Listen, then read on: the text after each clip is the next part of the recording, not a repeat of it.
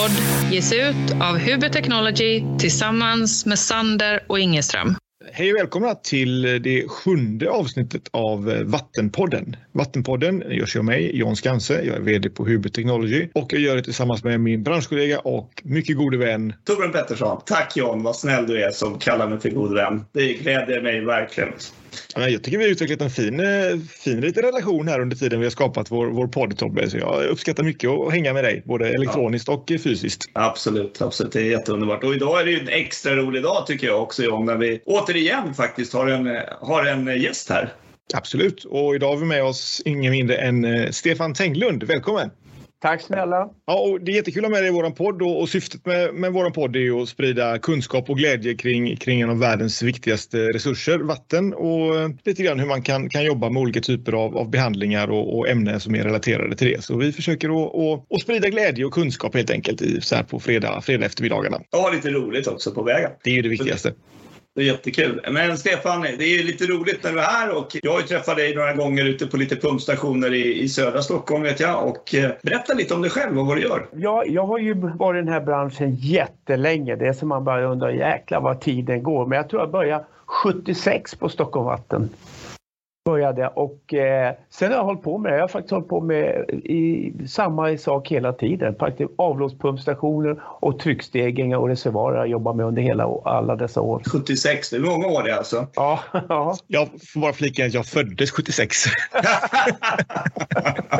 ja, så, äh, stor, stor respekt Stefan, vilken, vilken otrolig kunskap du har, du har samlat, samlat på dig. Men hur, hur, hur kom det sig att du började i, i, den här branschen? Alltså det var nog så, vi, alltså, jobbar man på Stockholm Vatten på den tiden, då var det så att det fanns så få som inte hade en släkting på detta företag då. Och det var ju så, här, det var ju så många hade, gjorde ju många år där. Det var ju, alltså någon, tio år, det var ju ingenting på den tiden. Många jobbade många år, man var kvar på Stockholm Vatten tills man, ja, tills man gick i pension. Och jag hade ju en pappa som eh, jobbade och jag var väl lite skoltrött och lite sådär så han tyckte, nej Stefan, börja här, här är det stabilt, här är det bra. Och på den vägen var det. Ja, vad härligt. Och hur, varför blev det pumpstationer då? Det var det han, han, jobbade på den avdelningen och eh, då jobbade vi, då hade vi hand om, på den tiden hade vi hand om både pumpstation och le, ledningsnätet där jag jobbade då. Men jag vart ju pumpstationskille för jag, jag tycker alltid det varit spännande med just, jag brukar säga vattensidan, det är lite easy peasy, det rinner ju på som det ska. Det är inga gummiankor, träklossar som sätts i pumpar så att eh, jag gillar den grejen, det, det är utmanande.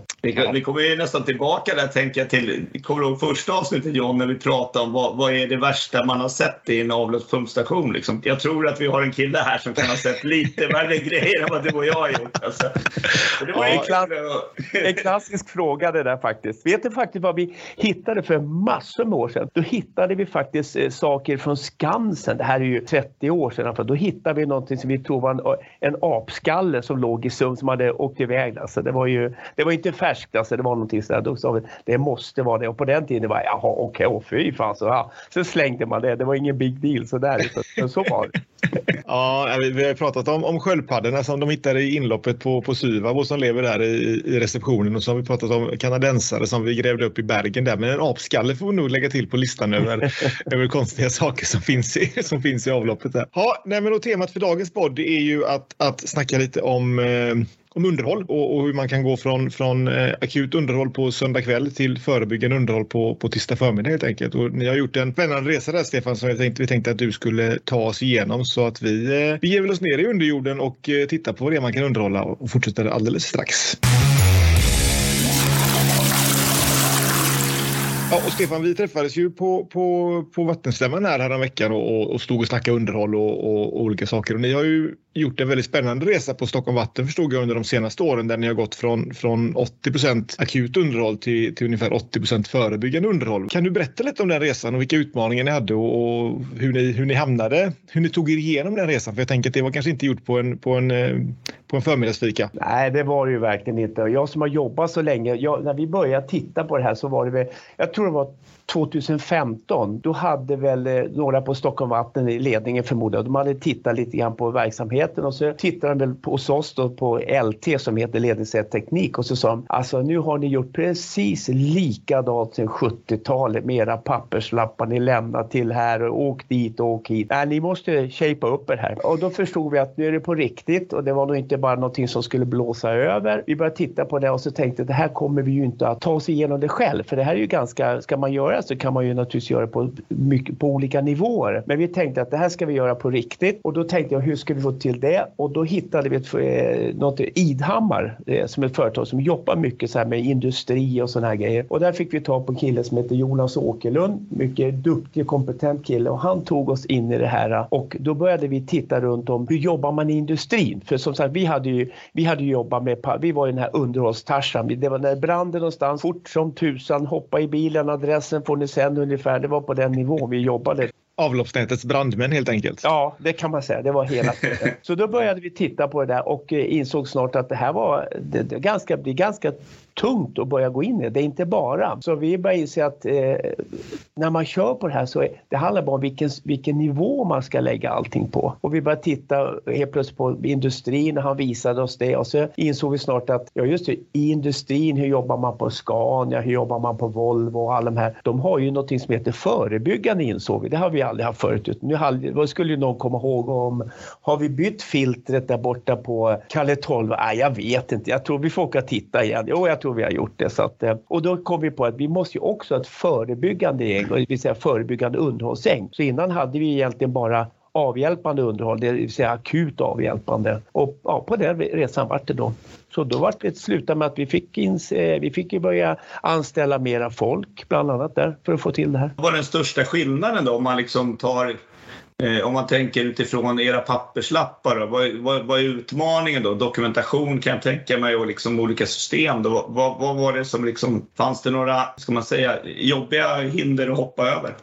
Oh ja, oh ja. Framförallt var ju att övertyga killarna att eh, grabbar om ett år eller så då kommer ni sitta med framför en dator när ni avslutar. Ja tjenare, kolla de här händerna som har smutsiga, smutsiga händerna som har hållit på skiftnyckeln. Nu skojar Nej, det var, det var en utmaning. Att få med alla på det här och tycka att det här, ja, men det här var bra. Men så var det ju inte. Utan det var, vi hade ett stort motstånd både från, ja men jag var så jag tänkte här nu blir det jobbigt som tusan. Vi har ju haft det så bra, det var ju så enkelt. Men, eh, så det var en utmaning att få med, eh, alltså vad ska jag säga, systemet i sig, det är ju någonting att lära mig. Utan det var nog att få med alla människor som jobbar med det. Och det tror jag är den största utmaningen för alla som börjar med att övertyga alla om att det här är bra, det kommer att bli ännu bättre. Jag tänker att det finns ju en inbyggd uppförsbacke i det här för att man har ju säkert en, en underhållsskuld och en informationsskuld mm. som man blir ganska varse när man börjar titta på det här och det finns ju, tar ju ganska lång tid innan man liksom har, har gjort så mycket förebyggande underhåll att det börjar märkas i att det inte blir så mycket akut underhåll för att du måste ju liksom börja någonstans och, mm. och bygga upp liksom nivån och framförallt kanske information informationen om vad du har gjort så att du gör rätt sak. Men det kommer ju inte synas i att du slipper åka ut på söndagskvällen på jouren utan det, det kommer du fortsätta göra för där, den delen du inte har börjat ta i är ju fortfarande har ju kvar samma problem. Eller blev det sådana effekter tycker du? Oh ja, oh ja, det har vi ju sett. För att man, man, det finns ju något som säger att i början när man tittar så är man omedvetet inkompetent. Och när man har gått in och gjort resan en stund då börjar man bli medvetet inkompetent. för då börjar man förstå att det man inte fattat förut. Så att det är ganska spännande. Och det är den där tröskeln att, att börja inse vad, vad är egentligen vi, vi ska jobba med. Och som en kollega till mig brukar säga, när vi, vi var ju så, i början så var vi vi var så splittrade. Vi var här och vi var där och vi trodde det och vi skulle börja med det. Och sen, men han är vis, han sa man ska ju lysa där det är som mörkast. Man ska inte börja där det är enklast. Så vi började lite så och sen kom vi snart på att i början var vi så ivriga. Vi hade så mycket idéer så vi hade väl tio bollar i luften. Och det är väl som alltid, eh, någon ska börja lära sig jonglera. Det är dumt att börja lära sig jonglera med tio bollar. Det är väl ingen som har lyckats med. Så, så vi, vi backade hem faktiskt. Vi insåg själva att nu har vi, vi rusar för snabbt. Så vi fick backa hem, börja om från nytt igen och börja ta, ta en sak i taget helt enkelt för att få till det här. För, för att framförallt få med alla på, man brukar säga att det finns ju som en trappstegsmodell. Att liksom, det är ingen mening att ta ett nästa trappsteg om fyra står på det trappsteg, några står där. Det, det blir inget bra till slut då, utan vi fick backa hem och ta det lugnare, få killarna med oss och allting sånt där. Så det är nog den största processen med människorna. Jag tänker också en, en liksom lite spännande, jag är ju lite så här pumpnörd eller ja, är det pumpnörd är jag. Ja, det är väl, det är väl ingen idé att säga något. Jag är pumpnörd. Och, och så tänker jag liksom på de här, jag menar i och med att ni har ju både rent vatten och avlopp då liksom att utmaningarna för rent vatten de är på ett sätt eftersom liksom där är det kanske mer dimensionering, att pumpen ja. rätt. Jag, jag, jag, tänker på pumpstationen som vi träffades ute på för några månader sedan där den uppenbarligen var feldimensionerad redan från början och säkert var en underhållskostnad på att vara där ute på grund av att man inte körde på rätt väg eller på, åt rätt håll på motorvägen. Då. Eh, kopplat då sen till liksom avloppet där. Det är liksom på något sätt okänt vad man, vad man får köra. Och jag funderar på, är det så att det liksom, i ni ert underhållsarbete, eller ert förberedda underhåll, liksom, börjar man där det var som värst då? jag kan tänka mig att det kan bli så att ja, men här är vi ofta liksom, och vad beror det på och hur tog man sig vidare? Ja, precis. Och det är dit vi har kommit nu. Förut när vi, vi har ju ett, ett antal team som ut och åker. Och förut var det alltid så när vi fick in ett larm från en pumpstation. Vi säger att eh, eh P3 har löst ut i Örnsbergs pumpstation, säger vi. Då var det så, då tog man kontakt med några killar och så sa man eh, den har löst och så släppte de allting och så åkte de dit och rensade den här pumpen. Men sen kom vi på varför gör vi så för? Det finns ju redundans. Bara den grejen komma till det Nej, men den tar vi imorgon. Gör klart det vi gör idag och ta P3 imorgon. Och, och när man börjar jobba med det inser man Ja men det är klart. Varför ska inte killarna göra klart det de höll på med?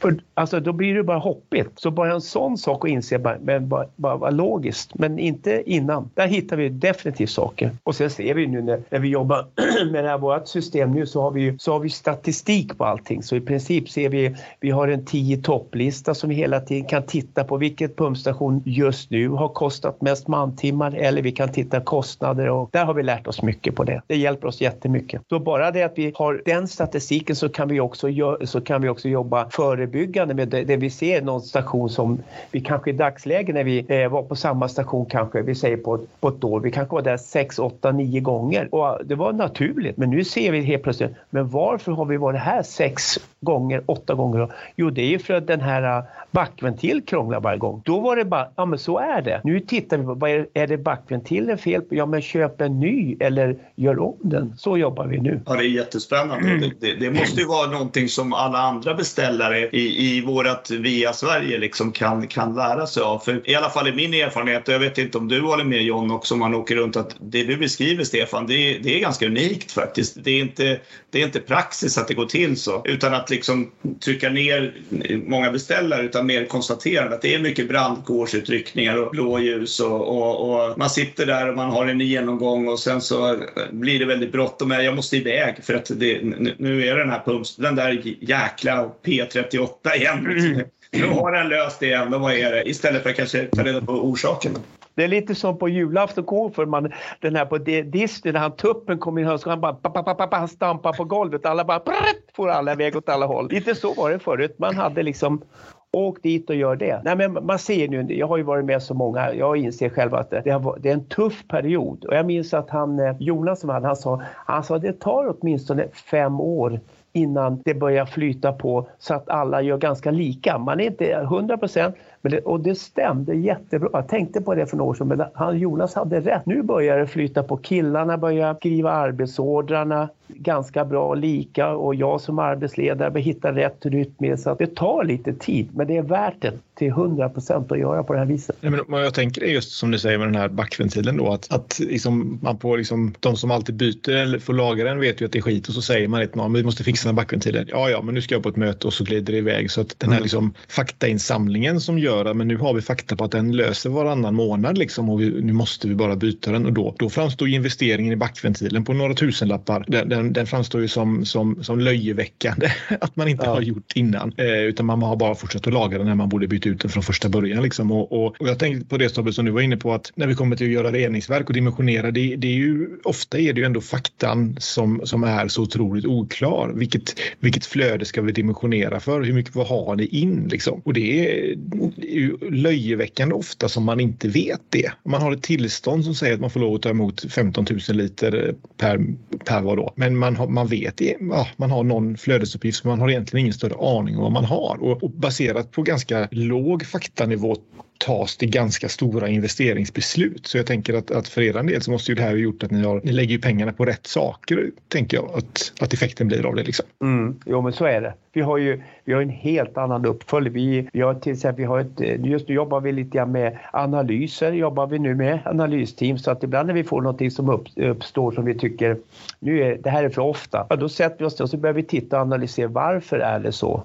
ja, lite det här fem varför inom, inom industrin det där som kom och, och jobba med sånt för att hitta de här felen. För det, på något vis så brukar jag brukar tänka på nu, man blir visare med åren, men det här med, jag brukar alltid räkna saker och ting i mantimmar. Alltså vad kostar kostar oss i mantimmar? För det, det är som att säga, ska byta alla lysrörsarmaturer, säger vi, vi ska byta, nu säger jag 800 lysrörsarmaturer ska vi byta på hela Stockholm Vatten och så kommer man på på ekonomin, ja men vi har hittat en lysrörsarmatur, den kostar 500 kronor, vi får nu 100 kronor styck på den för. Vilket klipp! Och så sätter vi upp dem, jag tycker vi har gjort ett klipp rent ekonomiskt inköpet. Men sen visar det sig, sen har vi minst två elektriker som inte gör annat än åker runt på den där förbaskade lysrörsarmaturen. Då har vi mantimmar. Mm. Så ibland är det ju faktiskt bättre att det får kosta ett en större investeringskostnad. Men sen rör vi inte grejerna på ett år, två år eller tre år. Det är pengar i bank när man jobbar på det viset. Så är det och jag tänker också att som, som, som operatör, alltså som ansvarig för det där så är det ju roligare att jobba med bra grejer som man slipper riva isär gång efter annan eh, och, och bränna mantimmar på. Och jag tycker, det är en annan sak som jag tog med mig det du sa också med, med att man står på ett jobb och släpper allt och åker till nästa ställe fast det inte behövs just då. Jag menar Stockholmstrafiken den, den, den har väl inte blivit bättre de senaste, de senaste 20 åren. Så jag tänker att det kanske, att jobba på det sättet måste ju driva mycket tid, tid i bil som, som inte är produktiv. Och jag, jag brukar tänka så med våra, våra servicetekniker. Vi utgår från, från Lindom här och ofta går ju liksom hela måndagen åt att ta sig till Borlänge eller vad vi nu ska någonstans och, och jobba den veckan. Vi har ju faktiskt ska, skaffat oss servicetekniker i Dalarna just nu för att ha någon som är stationerad och har kortare an, ankörningstid. Liksom, för vi har tillräckligt att göra där. Men, men såg ni några sådana effekter när ni började planera underhållet att ni spenderade mindre tid, mindre tid i kö? Det vi framförallt gjorde var ju det, när vi har de här, äh, vi säger som vi har i det här förebyggande. Vi har ett, vi, hos oss har vi ett FU-gäng och ett AU-gäng och FU är naturligtvis förebyggande underhållsgänget. Och då gör man ju så att när de deras för, förebyggande underhåll det bygger på att de ronderar ett, ett visst antal pumpstationer varje vecka. Då var vi tvungna att titta på hur ska vi åka? Ska vi åka som en spindel hit och dit, upp och ner och så här? Nej, naturligtvis tittar vi hur låg den här slingan då? Då hittar vi de här pumpstationerna så la vi dem slinga för att minimera då, eh, ja, trafiken och timmarna i trafiken. Så det var ju också någonting vi måste titta på. Och sen gjorde vi också så att förr i tiden när vi hade pumpstationer, då körde vi i princip alla pumpstationer Alltid. Man besökte alla, försökte hinna med. Det hann man inte med. Vi, vi har ungefär 900 anläggningar. Det gick inte utan man, planen var att göra. Men nu gjorde vi istället så att nu, nu gjorde vi, kategoriserade vi våra pumpstationer i, i A, B och C-stationer. Bara för att titta. Och då sa vi A en gång i månaden, B varannan och C var tredje månad. Och där såg vi också vilken skillnad att minimera springet och, och köpa sig tid till annat. Så till exempel en tryckstegringsstation, det är en C-station. Den kan vi besöka var tredje månad. Det är ju som jag säger, det är easy peasy med vattensidan oftast. Och skulle något hända där, vi har ju larm, men oftast så då hör någon av sig, vi har dåligt tryck så den, den, den larmar sig själv.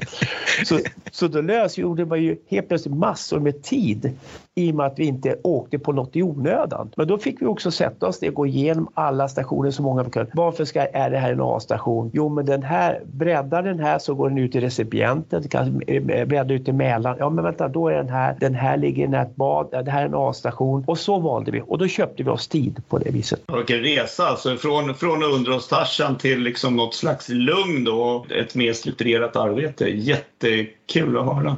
Ja, det, det, vitsen med det som vi säger, det är ju det att har man som vi har ungefär, vi har ju ungefär 400 LTA-stationer också. De är inte li, riktigt lika mycket underhåll på så här, men vi tittar på också. Men vitsen var ju att vi insåg att hur mycket har vi, eh, hur mycket har vi missat? Jag tänker alla fastigheter vi har som borde ha rensat vattenrännorna, tittat på taket. Det var ingen som gjorde det förut utan det var bara, ah, vi ska se när vi har tid. Nu har vi lösgjort tid så nu ligger det i FU-gängets, De har arbets, färdiga arbetsorder som kommer med tidsangivelse. Eh, nu är det pling, kommer ut en arbetsorder. Nu ska vi titta på alla hängrännor. Tittar man på det, pling, efter, nu säger jag fem år, nu ska det huset målas och då har vi ju köpt oss den tiden i och med att vi åker inte på allting i helt i onödan. Men, men en, en, sak som du var inne på det är det här med mantid och jag, jag kan mm. tänka att man ofta glömmer bort det när man, man har liksom ett, ett nätverk av saker man måste, som måste underhållas och, och som du säger, vad tar det? Titta, rensa en hängränna, ja, men det tar en halvtimme. Vi ska måla om huset, ja, det tar fem timmar. Och så tittar man på liksom, när man summerar den här mantiden som, som underhållet ska ta så, så får man ju en summa och då kan man ju som i ledningen bara, det var väldigt mycket timmar som det här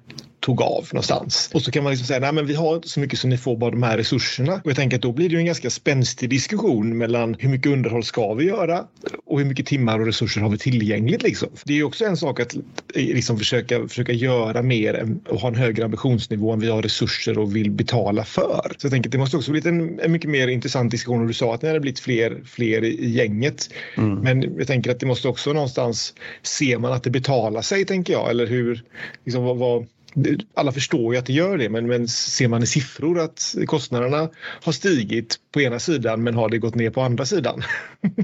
Det märks att du varit med några år. Du, du förstår det här. Och, och, det är precis, det är precis det, så det är faktiskt. Alltså, när man när man får, helt plötsligt inser man att man har en underhållsskuld som är enorm. Som du säger, rent ekonomiskt, drar man igång någonting så måste det finnas pengar till att göra det. För innan man har kommit upp den här, så man har fått tillbaka den här, fått ner den här underhållsskulden när man inser, vad fan, vi har inte målat, vi har ju minst 15 hus som vi inte har målat på 25 års tid och då, då, några är ruttna plankor på och helt plötsligt så börjar man inse att alltså, budgeten måste ju någon vara beredd att backa upp.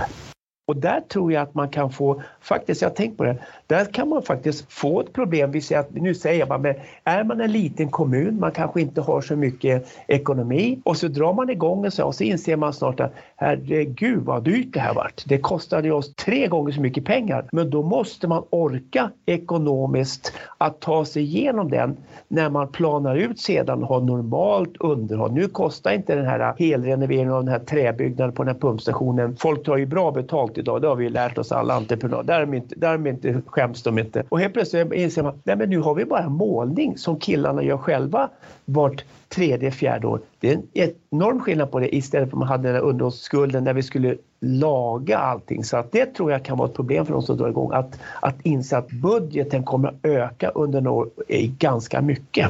Och kanske manskapet också. Men så blir det. Men jag tänker att slut, slutleveransen blir ju ändå ett, en bättre, bättre vattenprodukt och bättre VA-produkt med att du har bättre tillgänglighet på, på, mm. på vatten och mindre VA-läckage och mindre breddning och, och så vidare. Och det, det är ju ändå, som vi brukar säga Tobbe, det är ju inte förrän någon, någon har investerat i någonting som vattnet kommer bli renare. Jag pratar om det gör ingen skillnad. Liksom. Det, det handlar ju om att göra saker och sätta dit maskiner och fixa hängrännor och vad det nu är. Då blir det ju skillnad.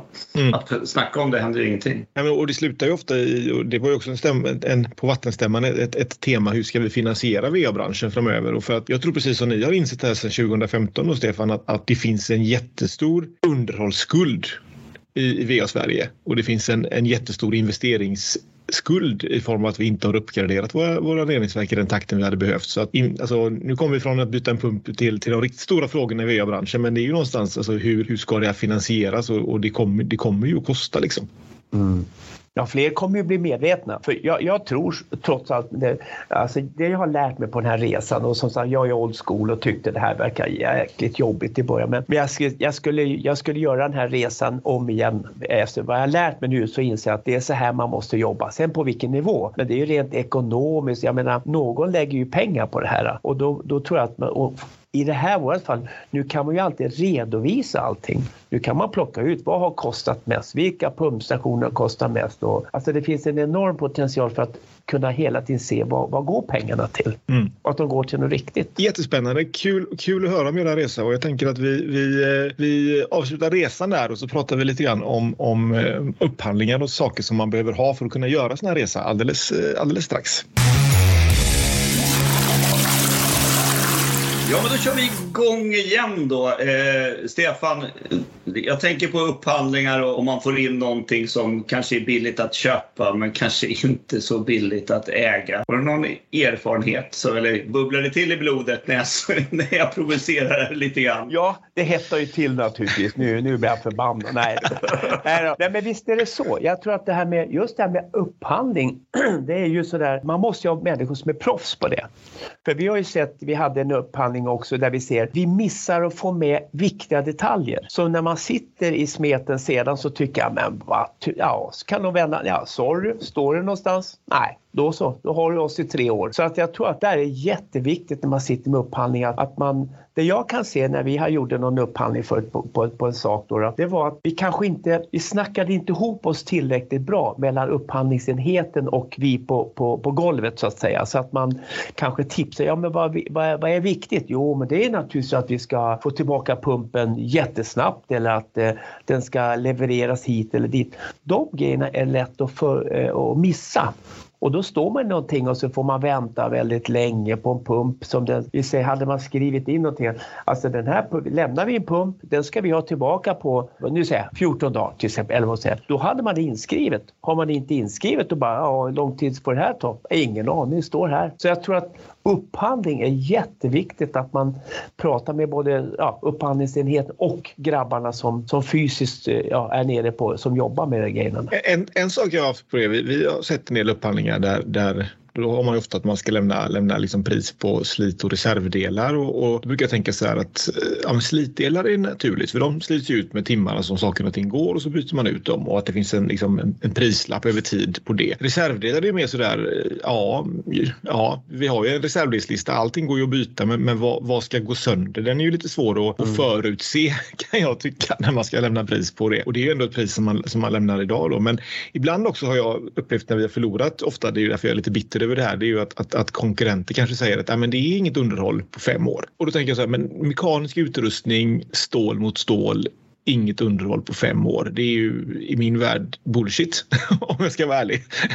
och jag tänker att ni kanske håller med om det. Eh, men, men likväl så, så kommer man igenom i upphandlingen. Jag vet, har, du, har du varit med om liksom när ni får den här där man förväntar sig att nu ska det funkar på ett visst sätt och så gör det inte det. Men jag upplever inte, upplever du att man liksom för tillbaka det till den leverantören? Men ni lovade ju det här, men, men det är ju inte så. Eller, eller liksom diffunderar det bara ut i, med, med avloppsvattnet liksom? Det ja, resonemanget. Men, ja, men till viss del. För, för det, det jag har sett på sista tiden, det är just att vi slarvar med de här detaljerna att man inte får med den där utan man står, ja det är ju inte skrivet, då blir det på det här viset. Det kan jag känna. Och jag menar bara en sån grej som vi pratade särdelar. Eh, jag har inte varit med om att vi skriver med någon gång skall vara eh, originaldelar till exempel. Det är ju ganska lätt om någon ska säga köper reservdelar, då köper, hittar de någonting från, ja, från, nu säger jag, från Wish. Ja okej, okay. ja men vi har satt ihop pumpen. Funkar? Ja, men hur länge håller den? Får jag original? Det slog mig här faktiskt häromdagen, jag tänkte på alltså, får jag en originaldel, då vet jag, vi snittar väl ungefär på en, på en avloppspump någonstans mellan eh,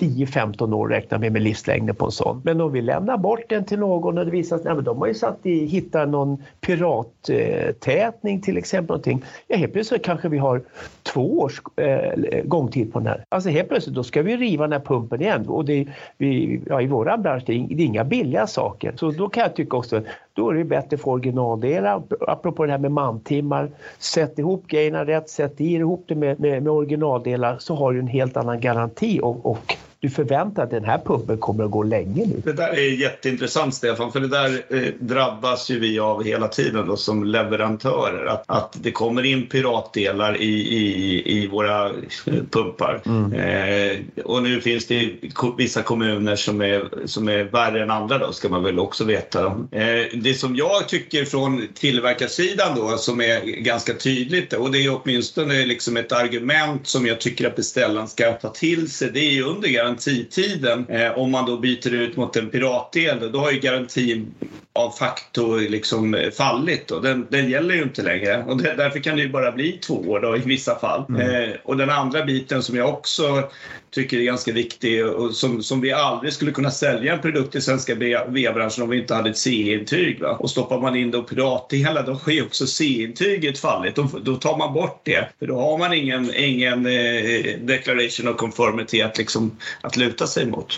Mm. Men då måste du också ha ett system som där du blir påmind om att du, det var ju bara två år sedan vi helrenoverade den här pumpen. För har vi inte ett system där vi kan gå in och titta, ja då tycker jag jäklar, ja, det, då är det ytterligare, det är bara another day at work, det är en pump till som har pajat. Men har vi ett system som säger, men vänta, titta här, den har vi renoverat, det vi gjorde den, eller vi säger, det gjorde det här företaget, men då vi helt plötsligt inser att det här kan ju inte stämma. Ja, då kanske man helt plötsligt inser, vad har de stoppat i för någonting? Det är piratdelar. Men då måste också, ändå ska du sitta pappersmässigt och hålla koll på alla pumpor och sen när renoverar vi den? När renoverar, och så ska någon sitta manuellt och titta på den. Jag tror att det är därför som jag säger, upphandlingen, det som står i texten där, det måste vi, vi bli mycket bättre på. Då köper jag också, jag menar ni som försäljare, det är klart att ni vill tjäna pengar. Alla ska tjäna pengar, den saken är klar. Men jag betalar ju hellre om det skulle vara, jämför den här piraten, jag betalar hellre dubbelt så mycket och får någonting som jag inte behöver lägga mantimmar på igen. Än att köpa något som, som jag inte har koll på. Den slutar fungera helt fel läge på långhelgen på jul när alla är uppe i fjällen och den här stora stationen står och breddar och så är det för att någon har stoppat i fel grejer i den. Den kan hända ändå, men förutsatt att, att någonting händer är mycket större om man inte har sett till så man fått rätt grejer i. Jag har sett det för, för ett tag sedan, jag såg, vi har skrivit helt. Det är ett papper som inte säger någonting egentligen. Vad skönt ändå att, att du bekräftar våran, våran bild av en viss upphandling. Sen har, vi, sen har vi absolut kunder och kommuner som är jätteduktiga på det och, och verkligen får med, får med driften och får med de synpunkterna också. Men jag kan ibland också uppleva att det blir en liten, liten ska inte säga maktkamp, en liten dragkamp kanske mellan liksom VA, VA-huvudmannen och konsulten som skriver upphandlingen någonstans där, där, där balansen inte alltid känns sund tyvärr och då kan det ju sluta med, med en del konstiga villkor och, och, att man lägger mer, mer fokus på, på, på böter och leveransproblem än på själva specifikationen av vad det är man egentligen vill köpa. Eh, och sen så kan man ju å andra sidan se att amen, ett rörsystem ska vara svetsat så här och det kan finnas sida upp och sida ner med, med de instruktionerna och sen kommer man till liksom kvalitetsparametrarna på själva hjärtat i processen och då är det, då är det ganska summariskt skriven med tre punkter bara ska klara 100, 100 kubik i timmen punkt ungefär. Och då blir man också sådär, la vi la vi pengar på rätt saker nu eller inte? Liksom? För det är ju ändå den här processdelen som, som blir hjärtat i det som ska fungera. Liksom. Det är som att åka på semester, ha en skitfin bil och, och ska åka Europatouren och så har helt, däcken är helt slut på den bilen. Jag menar, det är, det är klart motorn funkar, det kommer, men du kommer ju stående någonstans med de där dåliga däcken. Det gäller att lägga det på rätt ställe, grejerna. Det är att göra sig själv en björntjänst egentligen om man, om man sparar i, i, i fel ända. Liksom. Jag gick igång här nu kände och blodtrycket gick upp lite grann med det här med att eh, liksom, eh, de här beskrivande eh, att, att eh, du ska då i upphandling tala om alltså under fem års tid och vilket underhåll har vi på den här maskinen. Och så sitter man där och gör en seriös bedömning av det här och, och tar sin, sina erfarenheter från andra installationer. Så skickar man in det där bara för att se att man var åkte på råtorsk för att polaren på andra sidan gatan sa att nej men vi har inget underhåll. Det här, det här går aldrig sönder. Mm. Och, så, och så sitter man och så tänker man att jag som la tid att läsa vad som verkligen stod där och liksom gjorde en, en någorlunda intelligent analys av vad det innebar. Jag varit bestraffad med att inte få affären. Medan mm. polaren som sket i vilket, han kom undan och fick affären. Dessutom så fick han betalt för allt underhåll som var tvungen att göras på vägen i alla fall. Ja, precis. Exakt. Men jag tror också, där, där tror jag också man måste göra sin läxa som du då som gör att du måste framföra det på sätt så att jag förstår varför jag ska välja rätt grejer till exempel. Att jag inte går på den där, det här var ju billigt som vi säger, ja jo visst men hur länge håller det? Så jag tror att det är där man måste ha ett samspel där man får förklara att det här är skillnaden. Fast å andra sidan är det en upphandling, då får man ju knappast chansen att förklara sig. Då är det ju bara ett inskickat papper naturligtvis. Men därför tror jag att det är jätteviktigt att man har den här, man lär sig läxa. Vi har lärt oss en läxa när det gäller,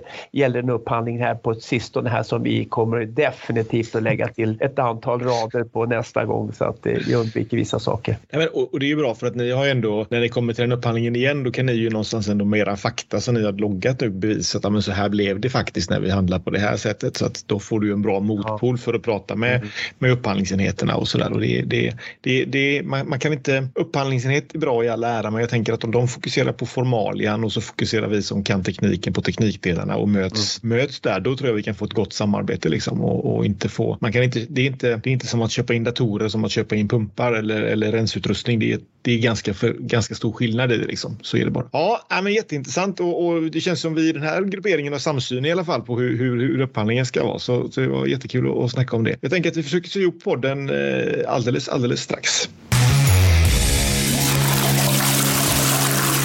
Ja, men jätteintressanta diskussioner Stefan med, med förebyggande underhåll och hur man, hur man ska upphandla förebyggande underhåll och allt underhåll. Det, det finns o, otroligt mycket att lära och jag tror nog att ni på Stockholm Vatten faktiskt skulle kunna sälja er kunskap till många andra kommuner runt om i, i, i landet för att, för att hjälpa dem att komma upp i, i den nivån som ni verkar ha kommit till nu. Så det är jätte, jättekul att höra. När vi publicerar det här avsnittet så, så är faktiskt eh, IFAT slut, även om vi spelar in det innan. Eh, och vi närmar oss eh, närmar oss sommaren och eh, högsommaren och sådär. Och vi får väl hoppas att det blir en, en, en, eh, en bra sommar och att eh, världsläget kanske lugnar ner sig lite grann i alla fall så att vi får lite mer stabilitet i, i, i det som vi gör. Ja, ja, och jag tänker också att när du och jag ska ta det lite lugnare här i sommar och, och, och det går ner lite kanske i branschen så, här, så kanske vi också skulle låta Vattenpodden få, få en liten sommarsemester så du slipper höra oss hela tiden för att vi, vi gillar ju våra egna röster men, men det kan ju vara bra att vi, att, att vi tar en liten paus över sommaren eller vad säger du? Vad ska ja, man göra då i hängmattan om man inte är att lyssna på?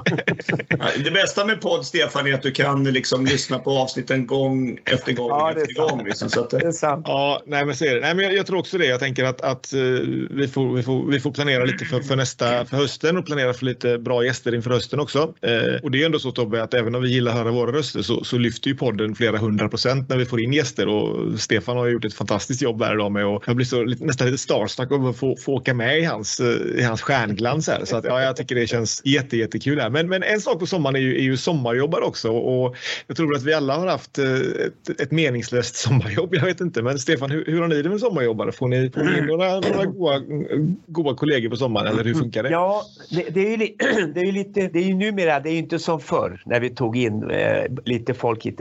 Nu har vi ju mera uppstyrt. Nu måste till exempel jobbar du hos oss så måste du ha röd zonutbildning för att vistas lite så att vi, vi tar tyvärr inte in sommarjobbare på det viset längre. Även om vi skulle vilja. Det är jätteroligt att få in några killar och tjejer som är potentiella för att eh, framtiden börja jobba hos oss. Så att det, det kan vara lite tråkigt tråkigt men det är regler är regler, det finns säker och framförallt säkerheten den, är ju, den går inte att kringgå så att eh, tyvärr har vi inga sommarjobb hos oss i alla fall. Nej, vad Tobbe, känner ni någon, på, känner ni någon sommarjobbare? Ja, vi har en, en alltså vi har ju öppet hela sommaren och, och liksom, eh, vi anpassar våra semestrar efter våra kunder. Så, och vi har eh, lite sommarjobbare och de tar vi in ifrån högskolan då, som, som liksom, eh, vi tänker dem precis som Stefan beskriver som framtid, eh, framtida anställda då. och på ekonomi då, som är en del som måste... Men i, nej, jag har inga sommarsäljare som jag behöver utbilda som ska ut och, och kränga pump till, till VA Sverige. Det, det går inte riktigt faktiskt. Nej, jag har, alltså på tal om sommarsäljare så har jag en tanke om att man skulle haft ett, ett eh, vi kanske ska ha VA-podden live från Sweden Rock tänker jag eh, nästa år för att eh, det är ju ändå ganska många av våra kunder som, som ses där faktiskt. Så det får vi ha som Tobbe som nästa projekt kanske. Att mm. istället för VA-mässan så livepoddar vi från Sweden Rock helt enkelt. Där, ja. där de flesta av oss är tänker jag. Även om jag inte ska dit, men det är många andra som där. Eh, nej, här på Hubert så brukar vi köra någon sommarjobbare, men det är mest på, på, på de ekonomidelarna. Vi har ju, alltså, verksamheten går ju ner lite grann och, och vi behöver inte riktigt eh, fylla på på det sättet. Men, men samtidigt, precis som du säger Stefan, jag tror att Alltså, vi nördar ju vår bransch och tycker ju att den är väldigt, väldigt rolig och jag tänker att det är en bra inkörsport för unga människor att, att faktiskt förstå hur, viktigt, hur viktig branschen är, både på vatten och på, på avloppssidan. Och att det kanske inte är fullt så äckligt som jag, jag tänker att man tänker att det är om man inte kan branschen. Liksom. Nej, det lät roligt så här, när vi har anställt folk för att det är ofta så att när vi anställer folk, det är få gånger vi hittar någon som har jobbat med pumpstationer. Utan jag har allt från musiker till allt möjligt folk där som på, och eh, faktiskt några gånger så här, när jag intervjuar folk brukar jag säga, ja, bara så vet, vi, vi jobbar med bajs, alltså folkskit. Eh, och en del bara, jaha, nej det där är nog inte min grej, säger jag. Så, men vissa får vi med oss och så säger men det var ju inte så farligt, Tenge, säger de till mig. Och så, nej, men jag vill bara att så man inte går in i något och så är man en person som, när det hettar till, det börjar bli kladdigt, den som alltid går åt sidan och det är kollega för att, utan jag brukar alltid göra klart och tydligt, det är bajs vi jobbar med. Så att, och, och det brukar funka faktiskt. Ja, då har vi precis samma erfarenhet. Jag gör också det Stefan. Jag brukar verkligen komma till det och precis som du betonade också. Bara så vi är överens om det här. Vi jobbar med avlopp och det innebär bajs. Ja. Liksom, så är det bara. Det är... Och sen så vänjer man sig, eller vad säger du Tobbe? Ja. ja, ja, det luktar ju gott. Alltså, det är det som är sjukt. Jag gillar ju primärslamdoften. Jag känner mig hemma. Men man är knäpp alltså. Så är det. Jag, brukar säga att det, jag brukar säga att det luktar pengar när man går på toaletten. Det är ändå en ganska trevlig... Ja, ja. Trevligt. Ja, det är stört. Det är stört. Ja, nej, nu, nu, innan det här ballar ur får vi nog stänga, stänga ja. podden fullständigt, tänker jag. Men, men äh, jättestort tack till dig Stefan att du ville vara med och gästa oss idag. Vi är stort, stor ära och eh, du har en fantastisk kunskap som du har kunnat förmedla här och vi hoppas att, eh, att våra lyssnare har, har uppskattat det mycket. Ja, det var jättekul att få komma med. Jag tycker sånt där är spännande. Det är ändå som, som vi säger, det här, är ju, det här berör ju alla människor. Hur man, vilken man vill eller inte så är man berörd av det här. Och, jag menar, som vi på Stockholm Vatten, vi levererar ut en och en halv miljoner människor varje dag vatten och tar emot också. Så att, eh, jag lär mig fortfarande saker där jag inte hade en aning. Ja, just det, det, så kan det vara också ibland ibland. Så att, nej, det är spännande och som sagt, jättekul att få vara med hos er. Tack så jättemycket Stefan och ha nu en riktigt bra sommar allihopa. Och sen kör vi igång i september igen då John. Det gör vi, absolut. Ha det gott. Tack och hej. Hej. hej. Vattenpodden. Skitsnack om vatten och avlopp. Denna podd ges ut av Huber Technology tillsammans med Sander och Ingeström.